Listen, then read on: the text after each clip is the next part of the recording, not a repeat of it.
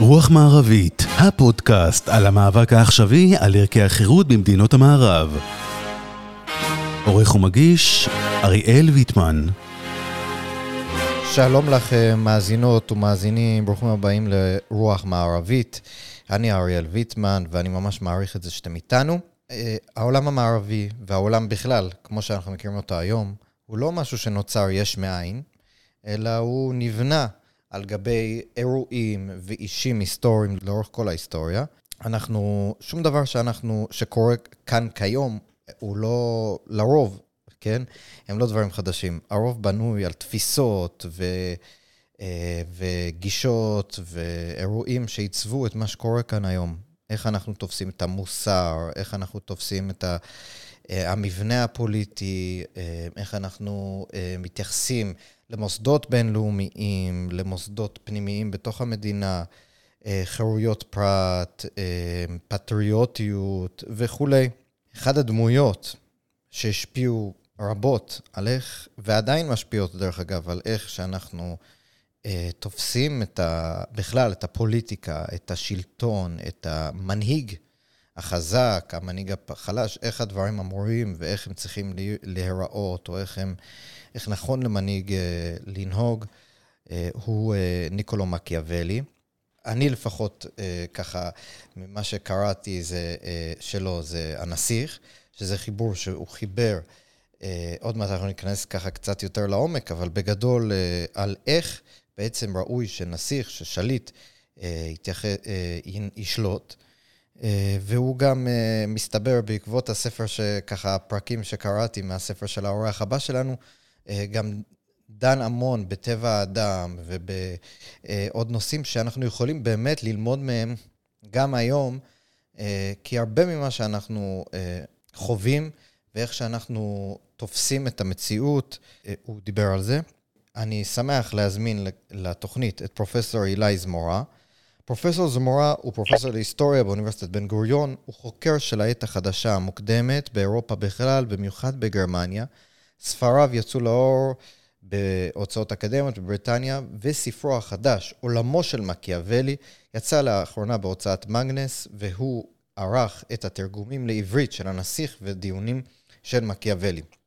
אז זה ככה, הוא האיש לדבר איתו.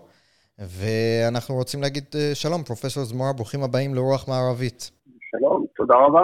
אז ככה, פרופסור אה, זמורה, כמו שאמרתי בהקדמה, קראתי קצת את הספר שלך, וקודם כל הוא מרתק, וככה ממש נהניתי. ואני רוצה אה, לשאול, בעבר כשקראתי את, את מקיאוולי, את הנסיך, אחד הדברים שמאוד קפצו לי, וגם הדברים שככה אתה כתבת, זה איך הוא תופס את הטבע של האנושות, איך הוא תופס את האדם, רע, טוב. אה, ממה שאני קראתי אצלך, אתה, אתה, אתה אומר, הוא תופס את האדם כרע מנעוריו. זאת אומרת, הוא תופס את הטבע האנושי כרע מנעוריו, לעומת הוגים אחרים שתפסו את זה לחלוטין אחרת. אה, ומתוך זה, אתה בעצם מסביר, לפחות במה שאני קראתי, את ה... תוך התפיסה הזאת של טבע האדם, תופסים את שאר היבטי החיים. אה, אז ככה, אם תוכל להיכנס לזה, להסביר לנו, קודם כל, מה ההבדלים, מה זה אומר לתפוס את האדם כרע מנעוריו, מה זה אומר לתפוס אותו כטוב מנעוריו, ומכאן, איך זה משליך על שאר היבטי החיים שלנו בחברה בכלל. אמ, שאלת כמה שאלות כן. אמ, שהן באמת אה, שאלות גדולות, גם פילוסופיות, גם היסטורית וחברתיות. אני אנסה אה, לעשות את זה באמת, אה, לענות על זה, להתחיל דרך מקיאוולי, אה, ומשם נראה אם אנחנו יכולים להרחיב או לצאת לכיוונים אחרים. נתחיל, נתחיל בזה ש... קודם כל צריך להגדיר ולהבין למה מקיאוולי מתכוון כשהוא אומר רע. Mm-hmm. כשהוא אומר, אה, כמו שניסחת, שטבע האדם רע מנעוריו או רע מדינתו. הכוונה כאן היא לא איזשהו רוע שטני או איזה, איזושהי התנהגות אה, אה, פסיכוטית ש, ש, שבני אדם מפיקים מנעה או סיפוק מלגרום רע לאחרים. אגב, אני, אני לא חושב שיש מישהו ש... אה, יצהיר על עצמו שמה שהוא עושה זה רע, שהוא רוצה לעשות רע, נכון? אה, נכון. כולם, גם, גם, גם אלה שעושים את הדברים הרעים ביותר, הנוראים ביותר, אה, יש להם בדרך כלל הסבר במונחים של למה הדבר הזה הוא טוב, הוא נכון, הוא הכרחי וכן הלאה. Mm-hmm. אז אצל מקיאוולי רע זה, זה באמת לא איזושהי פתולוגיה, כן, אנושית. אה, כמובן של דחף, דחף לעולל אה, רע או עוול וכן הלאה. הרוע אצלו, הכוונה זה שבני אדם מתנהגים בראש ובראשונה אה, כשהאינטרסים העצמיים שלהם לנגד עיניהם. זאת אומרת, הם פועלים בראש ובראשונה להגן אה, או לקדם את האינטרסים האישיים שלהם, ניקח את זה צעד נוסף, זה בעצם הכוונה אה, שהם פועלים בצורה אנוכית. שזה המהות או הגרעין של, של הרוע כאן, כן? במובן הזה שאנחנו, שבני אדם לא חושבים קודם כל על טובת הכלל, הם לא כן. רואים את עצמם כמחויבים בראש ובראשונה לטובת הכלל, הם רואים את עצמם בראש ובראשונה מחויבים לטובתם האישית, לטובת האנשים הקרובים להם ביותר. אה, זאת, זאת הכוונה אצל מקיאוולי ברוע. עכשיו, למה, למה זה אולי, אה, למה הוא בכל זאת מגדיר את זה אה, כרוע ולא בדיוק במילים שאני פירשתי את, את התפיסה שלו של הרוע? אגב, הוא גם מדבר כמובן במונחים שהוא אומר שבני אדם באמת אנוכיים ושאפתנים mm-hmm. וכן הלאה, הוא אומר את זה במפורש. כן. אמ, הוא אומר, הוא אומר את זה משום שבאמת הנקודת מבט שלו היא נקודת מבט פוליטית. ונקודת מבט פוליטית זה איך באמת חברה יכולה להתקיים, איך בני אדם יכולים לחיות ביחד. אני חושב שזאת השאלה הבסיסית ביותר, נכון, שאנחנו שואלים את עצמנו, אה, ותמיד שאלנו את עצמנו, תמיד בני אדם שאלו את עצמם, איך חברה יכולה, מסודרת, יכולה להתקיים, יכולה לשרוד, יכולה להתפתח, כן. ושיש כל כך הרבה בעיות ואיומים מבחוץ ואיומים מבפנים, תכף אולי נדבר על מה הכוונה כאן איומים מבפנים. אה, אז, אז מבחינת, מנקודת המבט הזאת, הפוליטית שמסתכלת על, על הקולקטיב, ואיך הקולקטיב הזה יכול להצליח בעולם, איך הוא יכול לשרוד, איך הוא יכול לספק לחברים אמ, בו הגנה, רווחה כלשהי, סדר, חוק וכן הלאה, אז מהפרספקטיבה הזאת ברור שהתנהגות אנוכית היא בעייתית. כן. היא, היא, היא, היא מזיקה, היא מקשה מאוד על קיום אה, החברה או היחידה הפוליטית הזאת. אה, אבל מקיאוולי הוא לא נאיבי והוא אומר, כן, יש כאן אה, באמת איזושהי בעיה גדולה, משום שטבע האדם הוא אנוכי. עכשיו, אם אתה מסתכל על זה בצורה הזאת, אה, הבינארית הזאת, יש כאן ממש סתירה. זאת אומרת, מצד אחד, אנחנו כולנו כנראה זקוקים, בני אדם זקוקים לחיים חברתיים, לחיות באיזושהי קבוצה, באיזושהי חברה מאורגנת, מצד שני בני אדם הם אנוכיים, איך, איך שני הדברים האלה עולים בקנה אחד, איך, איך מצליחים, אה, הייתי אומר, ליצור איזשהו תיאום נכון. אה, בין האינטרס האנוכי, שיש, שמדריך את כולנו, את כל בני אדם לפי מקיאוולי, ובין החיים החברתיים הקולקטיביים. אז זה באמת זה לב התורה של מקיאוולי. אני, אני חושב שאם היינו צריכים להגיד, לתת כותרת או לאיזה אבסטרקט כזה של המחשבה הפוליטית-חברתית שלו, הייתי אומר שהיא כולה סובבת סביב השאלה של איך באמת אה, להצליח לסדר את הדבר הזה שבני, ש, שהאינטרסים האישיים, האנוכיות של בני אדם, הטבעית של בני אדם, אנשים אקפדית, בכל זאת אה, תעלה בקנה אחד, בכל זאת תסתדר, בכל זאת תתאים את עצמה, אה, הדחפים האלה יתאימו את עצמם לחיים חברתיים. אה, וזה אחד מהדברים גם החדשים שהוא עושה, כי ההוגים לפניו לא עשו את זה. הם הניחו הנחות שהיה להם יותר קל להסביר באמצעותן את החברה האנושית. זאת אומרת, כדי לא עושה הנחות, הוא... אז, אז באמת, כאן יש את הסתירה הזאת, שהיא סתירה אה, לפי מקיאוולי בסיסית בחיים האנושיים אה, בין הפרט לכלל, ושאי אפשר להעלים אותה, אי אפשר אה, לדחוק אותה הצידה ולהגיד שהיא לא מרכזית, היא, היא, היא, היא בעיה, בעיה מרכזית.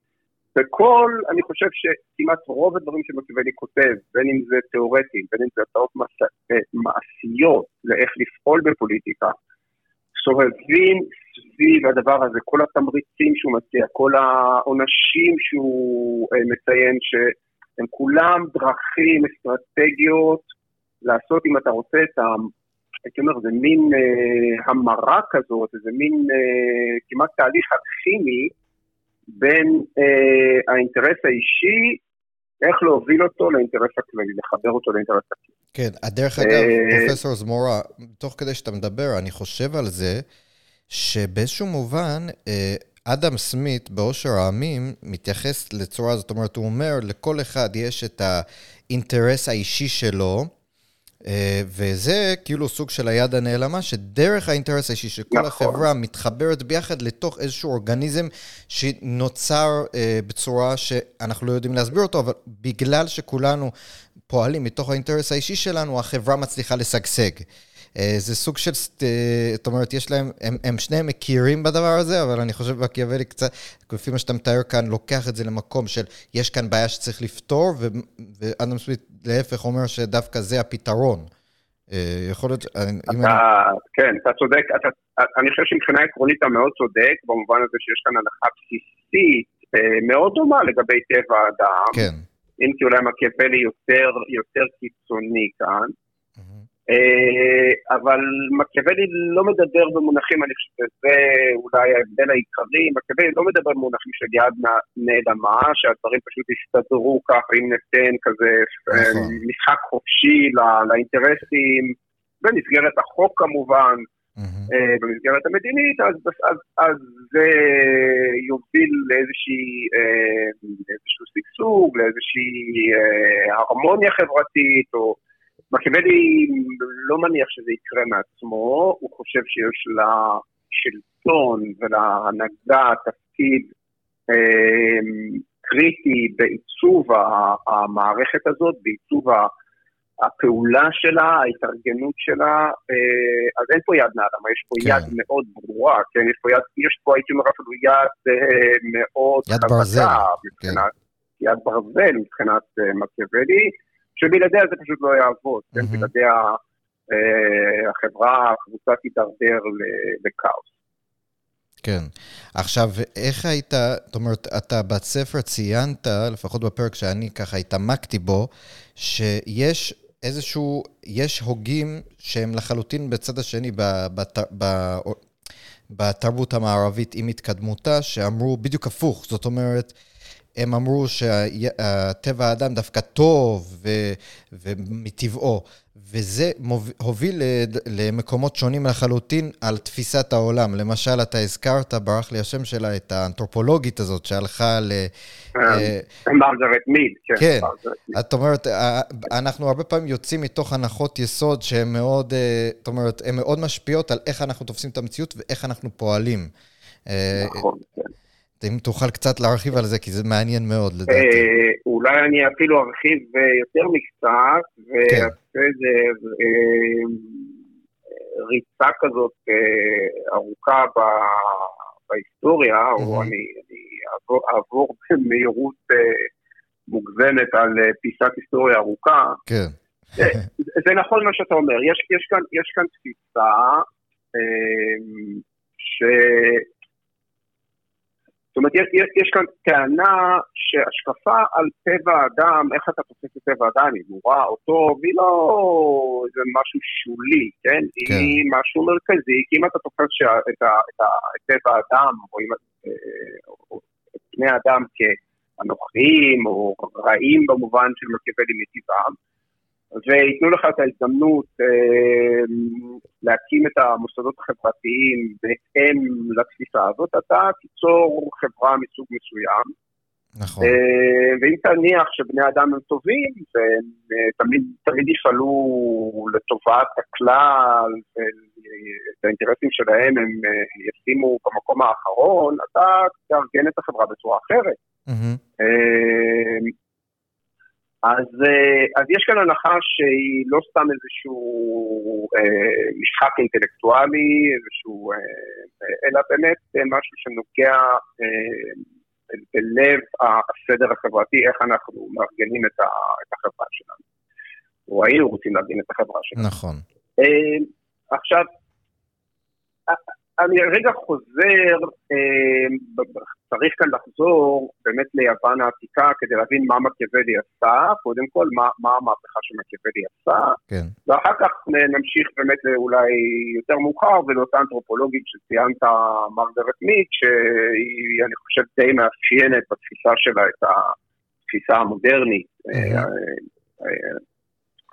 תראה, ההשקפה העתיקה בעת העתיקה, גם של הפילוסופיה היוונית וגם של הרומאים, הייתה שהאדם הוא יצור רציונלי, הוא יצור תבוני. כן. אמ, וזה בעצם, היכולת הזאת, התכונה הזאת, מאפשרת לבני אדם לחיות ביחד. אני יכול, אנחנו ביחד, אני יכול להגיד לך מה נוח לי, מה מזיק לנו, מה טוב לנו, אני יכול לומר, אנחנו יכולים להתווכח על מה צודק ומה לא צודק, ואנחנו יכולים בעצם לחיות אה, אה, אה, חיים, חיים משותפים. אה, לשתף פעולה אה, בצורה נאורה לטובת, לטובת שנינו. כן. ועל פי התפיסה הזאת יש בעצם, אם אתה רוצה, איזה מין שלושה שלבים, כן, שבני אדם אה, נולדים, כן, נולדים, נקרא לזה נניח מצב א', ו... אמ, וצריך להביא אותם למצב אה, הסופי שבו הם באמת אה, מגשימים את עצמם או את הפוטנציאל שלהם כיצורים רציונליים ויכולים לשתף פעולה ולהבין את זה. אמ, והמעבר הזה משלב, ממצב א' למצב הסופי, הוא נעשה דרך חינוך. נכון. אה, החברה מחנכת, או המוסדות של החברה מחנכים את האנשים לאידיאלים האלה של החברה. אה, וזאת הייתה, בעצם זאת האתיקה, כן? אה, זאת התפיסה האתית, החינוך והדרכה המוסרית. האתיקה מלמדת אותנו איך לעבור מהמצב הראשוני הזה, שאנחנו ילדים שעוד לא מבינים ה... איך לחיות עם זה, ואת הצורך להתחשב באינטרסים שלכם, אנחנו עוברים למצב, דרך החינוך, דרך ההדרכה המוסרית, עוברים למצב שבו אנחנו כן מסוגלים. וזה, התבונה שלנו, הרציונליות שלנו, היא זאת שמאפשרת לנו להפנים את זה ולפעול ככה. זאת הייתה תפיסת יסוד של התרבות המערבית. נכון. היא מרכזית בציוויליזציה הקלאסית של יוון ורומא, בציוויליזציה הנוצרית בימי הביניים, והיא, הייתי אומר, הייתה מרכזית, אני לא רוצה לומר שהיא לא קיימת כבר, אבל הייתה מרכזית, אני חושב, לפחות עד ראשית המאה ה-20 במערב. אה, מקיאוולי תקף את התפיסה הזאת ואת הנחות היסוד שלה בצורה הכי חריפה ובנקודות הכי פגיעות שלה. זאת אומרת, התפיסה הזאת שתיארתי קודם, נכון, היא מניחה שבני אדם יש להם יכולת ללמוד לעשות טוב. הם יכולים בזכות התבונה להבין את, ה, את מה, מה, מה צודק, מה לא צודק, מה טוב ומה לא טוב, וללמוד לעשות את הטוב ולהימנע מהרע. מקיאוולי הוא בדיוק מה שדיברתי קודם על הסתירה ועל תפיסת הראש שלו, זה בדיוק תפיסה נוגדת, זו הנחה נוגדת, שבני אדם הם לא כאלה. נכון. הם לא מסוגלים, הם, זה לא מה שהם רוצים, זה לא מה שהם מסוגלים. הם יכולים לפעול כאילו הם טובים, כן?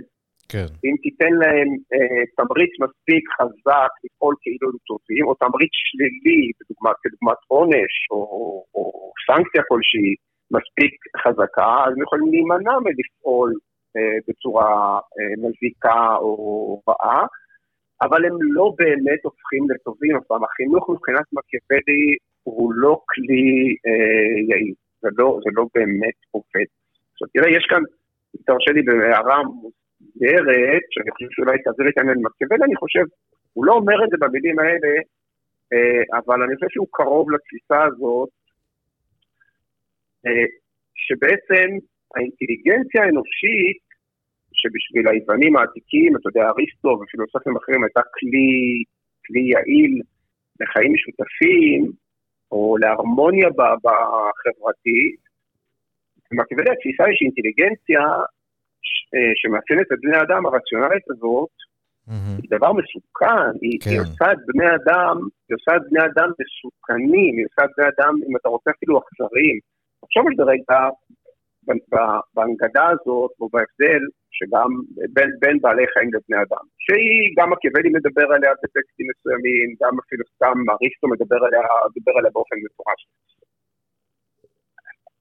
בעל חיים, אתה יודע, נניח, לא יודע, סתם לדוגמה, אני אתן אה, שימפנזים שנאבקים על הגמוניה, כן, על מי חזק, מי האלפא, זכר כן. האלפא בקבוצה. או בעלי חיים אחרים שנאבקים על זה, זה, לא, זה בדרך כלל לא מסתיים בחיסול.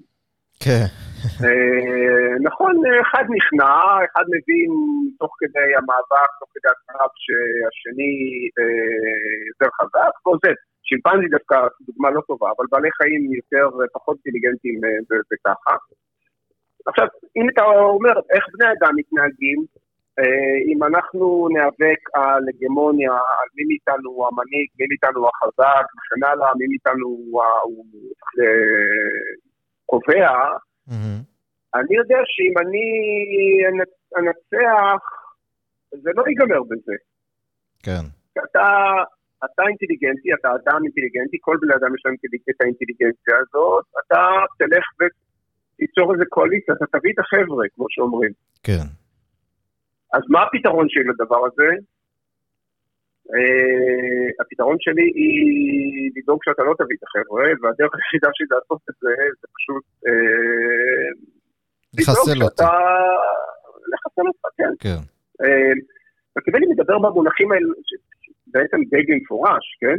נכון. ואני חושב ש, שכן יש לו את התפיסה הזאת שהאינטליגנציה האנושית, בניגוד למה ששוב פעם פילוסופים בעיית העתיקה ימי הביניים, אה, הניחו או תיארו, התפיסה שלו היא שהאינטליגנציה היא דבר מאוד מסוכן, היא עושה אותנו, היא עושה אותנו אלימים, היא עושה אותנו כן. אה, אכזריים, היא עושה אותנו שונים מכל היצורים האחרים. Mm-hmm. אז אתה רואה כאן את, בכל הדברים האלו את המהפכה שהוא עושה בתפיסה של המרכזית, תפיסת היסוד, אחת מתפיסות בציוויליזציה המערבית לגבי הטבע האנושי והאפשרות של בני אדם לחיות חיים משותפים. אמ, ו... אמ, איך זה מתורגם? נכון, כן. איך זה, איך זה מתורגם? אז הוא אומר, בני אדם, נכון, הם כפויי טובה, הם מפכפכים, הם כן. חמדנים, כן. הם אנוכיים, הוא כותב את זה, הוא כותב, נכון. תראה, הוא כותב את משפטים, אתה יודע שנכון, כולנו קוראים אותם אפילו היום, 500 שנה אחרי שהוא כתב את הנסיך, אנחנו מזועזעים. מהמשפטים האלה, כשהוא כותב בנסיך, שבני אדם שוכחים את מות אביהם מהר יותר מאשר את אובדן נכסיהם. נכון. אה, זה מזעזע, אבל בהיגיון שלו, זה היגיון פוליטי שאומר למנהיג בעצם, אתה יכול למשל, במקרה הצורך, להרוג מישהו, אה, כדי שהוא לא יביא את החבר'ה, כמו שאמרתי קודם, כן? ולהיות, אה, ותוכל אה, באיזשהו אופן לדאוג לכך שהבנים שלו לא ירצו לחסל אותך בגלל זה, או mm-hmm. לא יוכלו לחסל אותך. אבל אבל אם, אם אתה תיקח להם את הרכוש, למשל... אז הם יבואו לחסל אותך. אז הם, יבוא, הם, הם יעשו הכל כדי לחסל אותך, הם יעשו הכל כדי להחזיר את הרכוש. זאת אומרת, זה לא סתם אמירות שנועדו לזעזע, יש להם איזשהו היגיון פוליטי, אבל כן, הן עדיין מזעזעות, תכף נגיע לזה אולי, כי התפיסה שלנו שוב פעם היא מאוד מאוד שונה. כן. אז מה, מה המשמעות רגע, אם אתם עושים סיכום ביניים כזה אה, של הדברים? אה, המשמעות היא שבני אדם, בגלל שהם אנוכיים ושאפתנים מטבעם, בעצם לא יכולים לקיים חיים שיתופיים שמבוססים, כפי שהיינו רוצים שהם יהיו, על רק רצון טוב והכרה הדדית אמיתית. הם יכולים לקיים חיים משותפים, אבל החיים המשותפים האלה לא נשענים על טוב ליבנו ועל, הר... ועל הנאורות שלנו, נכון. או. אה, היא לא נשענת על זה שאנחנו באמת מאמינים שהזולת שווה ערך לנו באשר הוא אדם. אנחנו אומרים את זה, ברור, כולנו אומרים את זה, כולנו מדקלמים את הסיסמאות האלה. אבל זה לא באמת האינטרס. אבל זה לא האינטרס כן. שלנו. תראה, אני, אתה מוביל אותי להרבה דברים, אה, ואני אנסה לחזור אחר כך לאיפה לא, שהייתי. אבל, תראה, הוא הראשון, יש את המונח הזה שמשתמשים, של מה שנקרא מורי החשדנות, המאסטרים של, ה, של החשד. Mm-hmm. הכוונה בדרך כלל למרקס, לקרל מרקס, לניטשה כן. ולפרויד. Mm-hmm. הם uh, בעצם אמרו לנו uh, שאנחנו צריכים לחשוד במניעים הכי טהורים שלנו, נכון? הם לימדו אותנו ששום דבר אינו בהכרח כפי שהוא נראה לנו, או כפי שהיינו רוצים שיהיה, ושמאחורי ההצהרות היפות ביותר, מאחורי המעשים הטובים, יש לעיתים אינטרסים, הייתי אומר, פחות ייצוגיים, פחות נקיים, שאפילו אנחנו מתקשים להודות בהם בפני עצמנו. כן. Uh, ומקיאוולי עשה את זה לפניהם, הוא, הוא המאסטר הראשון של החשד במובן הזה, ולא רק זה, אלא שהוא גם לקח את, ה, את הדבר החדש הזה לנקודה אולי הכי קריטית בחיי בני אדם, לחיים הפוליטיים. והחשד הזה מאז לא עוזב אותנו. אנחנו נכון. תמיד עם חשד. אני, אני אנסה לחזור למה שהייתי קודם, מה המשמעות של העמדה הזאת. כן. Uh, המשמעות של העמדה הזאת היא שהחברה היא אוסף של אינדיבידואלים אנוכיים, תחרותיים, הם חיים ביחד לא כי הם אוהבים נורא זה את זה, uh, ולא יכולים, uh, אלא משום שהם בעצם באמת לא יכולים להסתדר בלי חיים בחברה, יש, הייתי אומר לחברה, יש תועלת יותר גדולה מהעלות שלו. כן. אה, זה אינטרס, זה, אנחנו חיים בחברה כי זה אינטרס הפרטי שלנו לעשות, אנחנו מוכנים לוותר על חלק מהדברים כדי לקבל דברים אחרים. Mm-hmm. ולכן האמת הבסיסית, האמת, אה, מה שמקיבלי קורא האמת התכליתית, כן, וריטה אפקטואל, זה, זה שהקיום האנושי הוא קונפליקט נצחי. כן. והכוונה היא שאם המשמעות, אני חושב שנגזר מזה, שאם אנחנו רוצים לקיים סדר חברתי מוצלח, אם אנחנו רוצים לשרוד ולשגשג כחברה, כמדינה, אנחנו צריכים להכיר בזה, שבני אדם קודם כל מעמידים את האינטרסים העצמיים שלהם בראש הרשימה.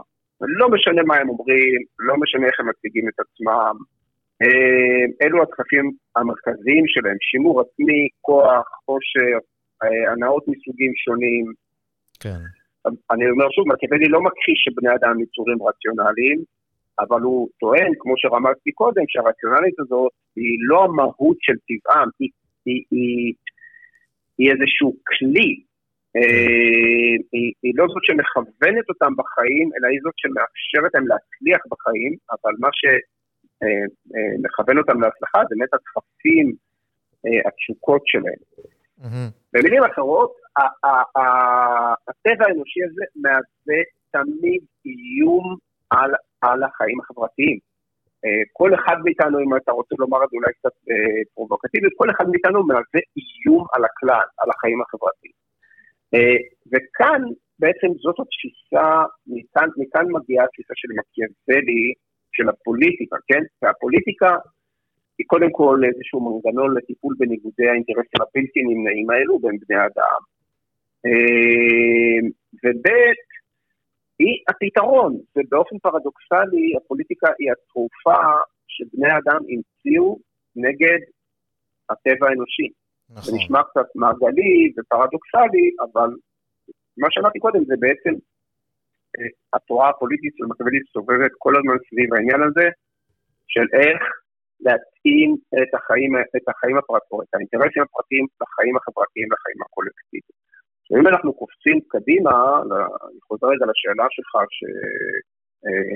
שהובילה לכל זה שיש הוגים שרואים את זה אחרת, אז נכון, אז נניח מקיאוולי והובס במאה ה-17, תומאס הובס, הם נתפסים כאלו שהתורה הפוליטית שלהם נשענת על התפיסה הזאת שטבע האדם רע מנעוריו, כן.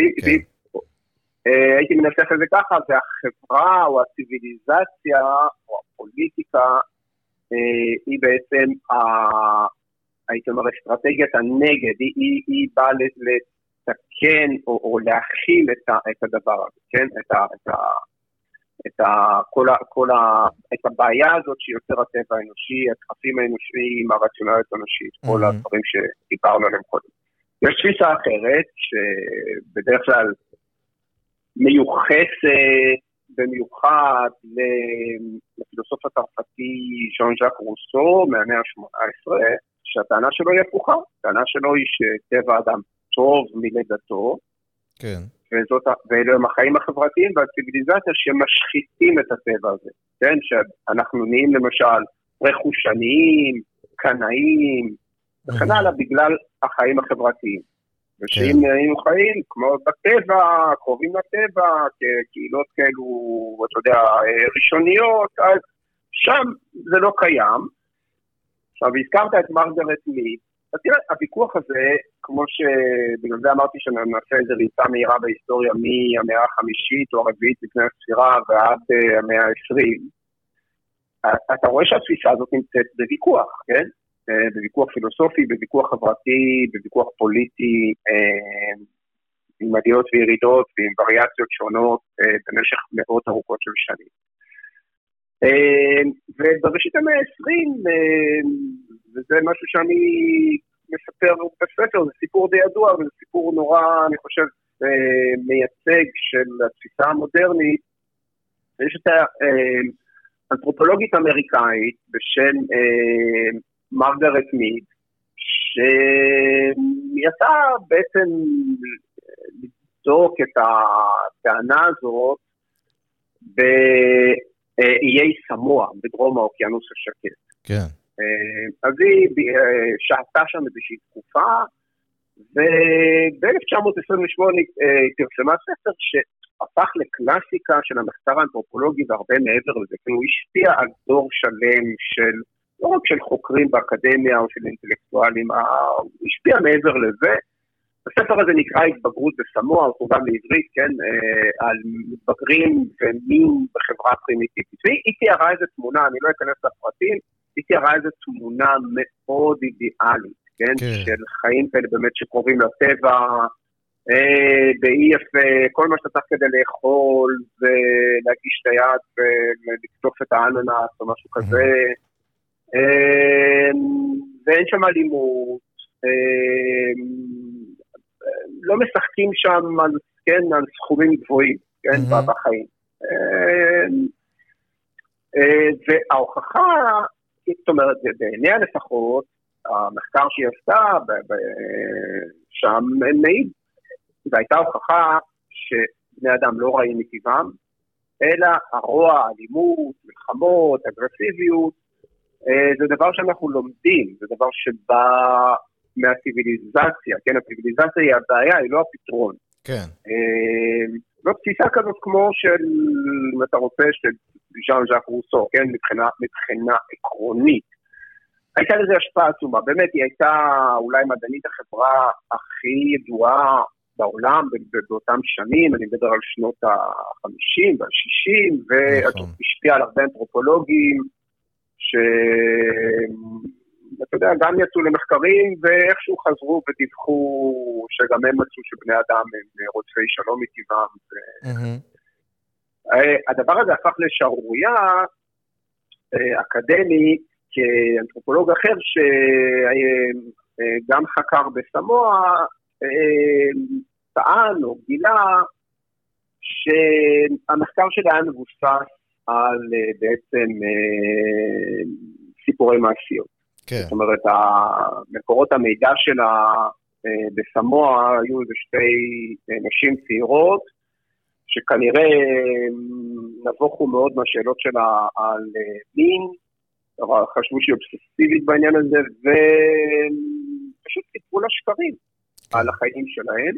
הם לא היו, זה לא היו חיים משוחררים, חיים, אם אתה רוצה, ליברליים, לא, לא רחוק מזה.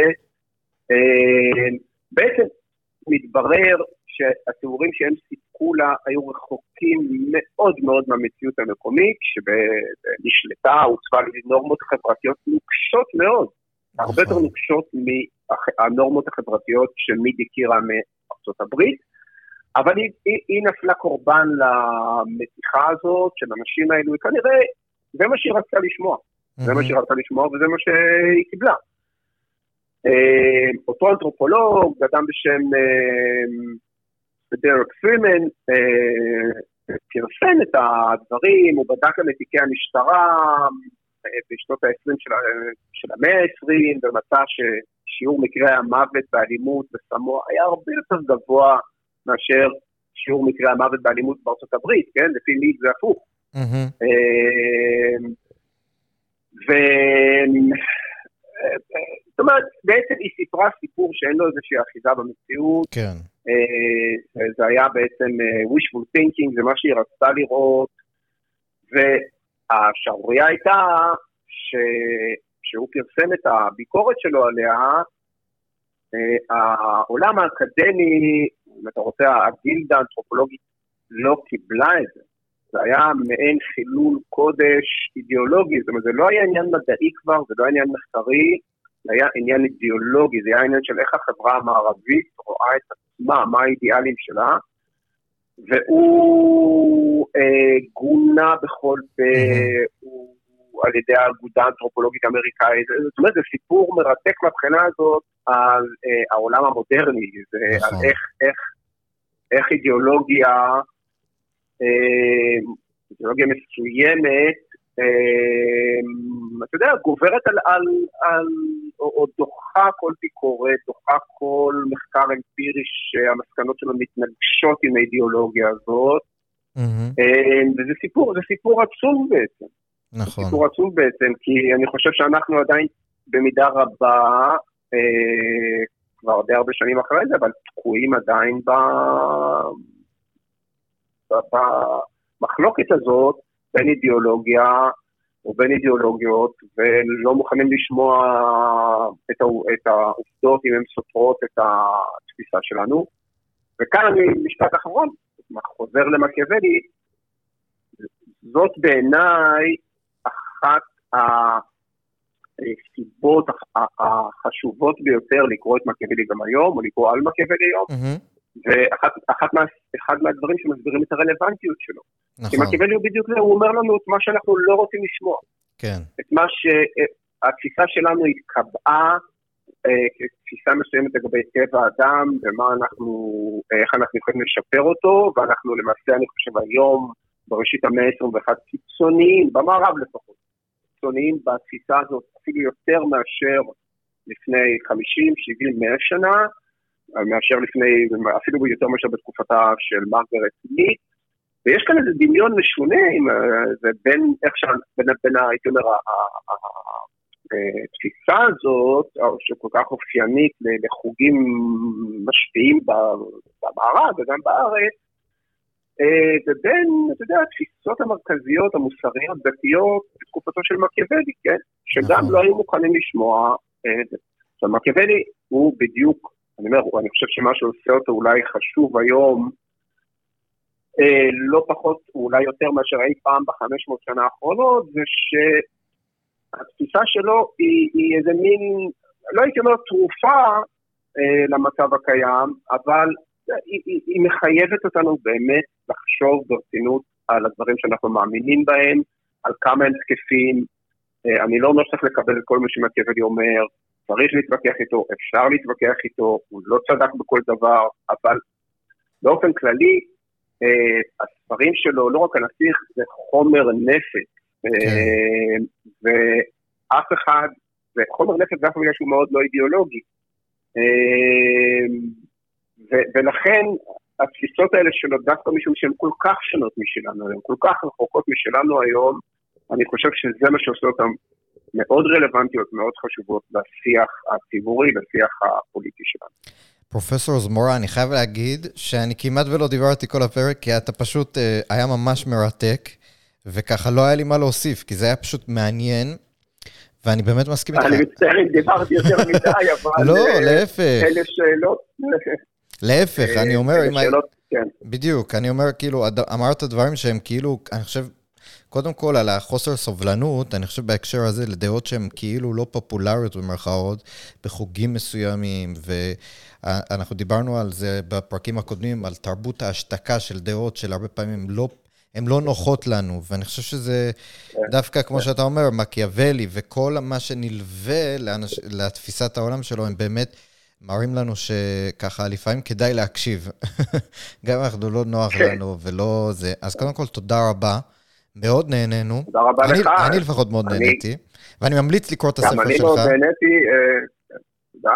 אני ממליץ, ממליץ לקרוא ולקנות את הספר שלך, כי הוא באמת, הוא כאילו מדבר על נושא שהוא, על, על אדם שחי לפני מאות שנים, אבל מצד שני, הרבה ממה שקראת, שקראתי הוא רלוונטי וככה, לא רק רלוונטי, הוא חשוב בימינו אנו.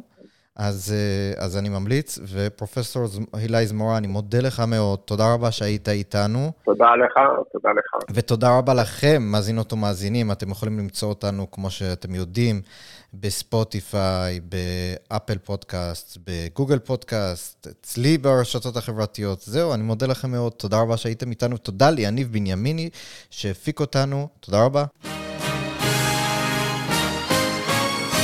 רוח מערבית, הפודקאסט על המאבק העכשווי על ערכי החירות במדינות המערב.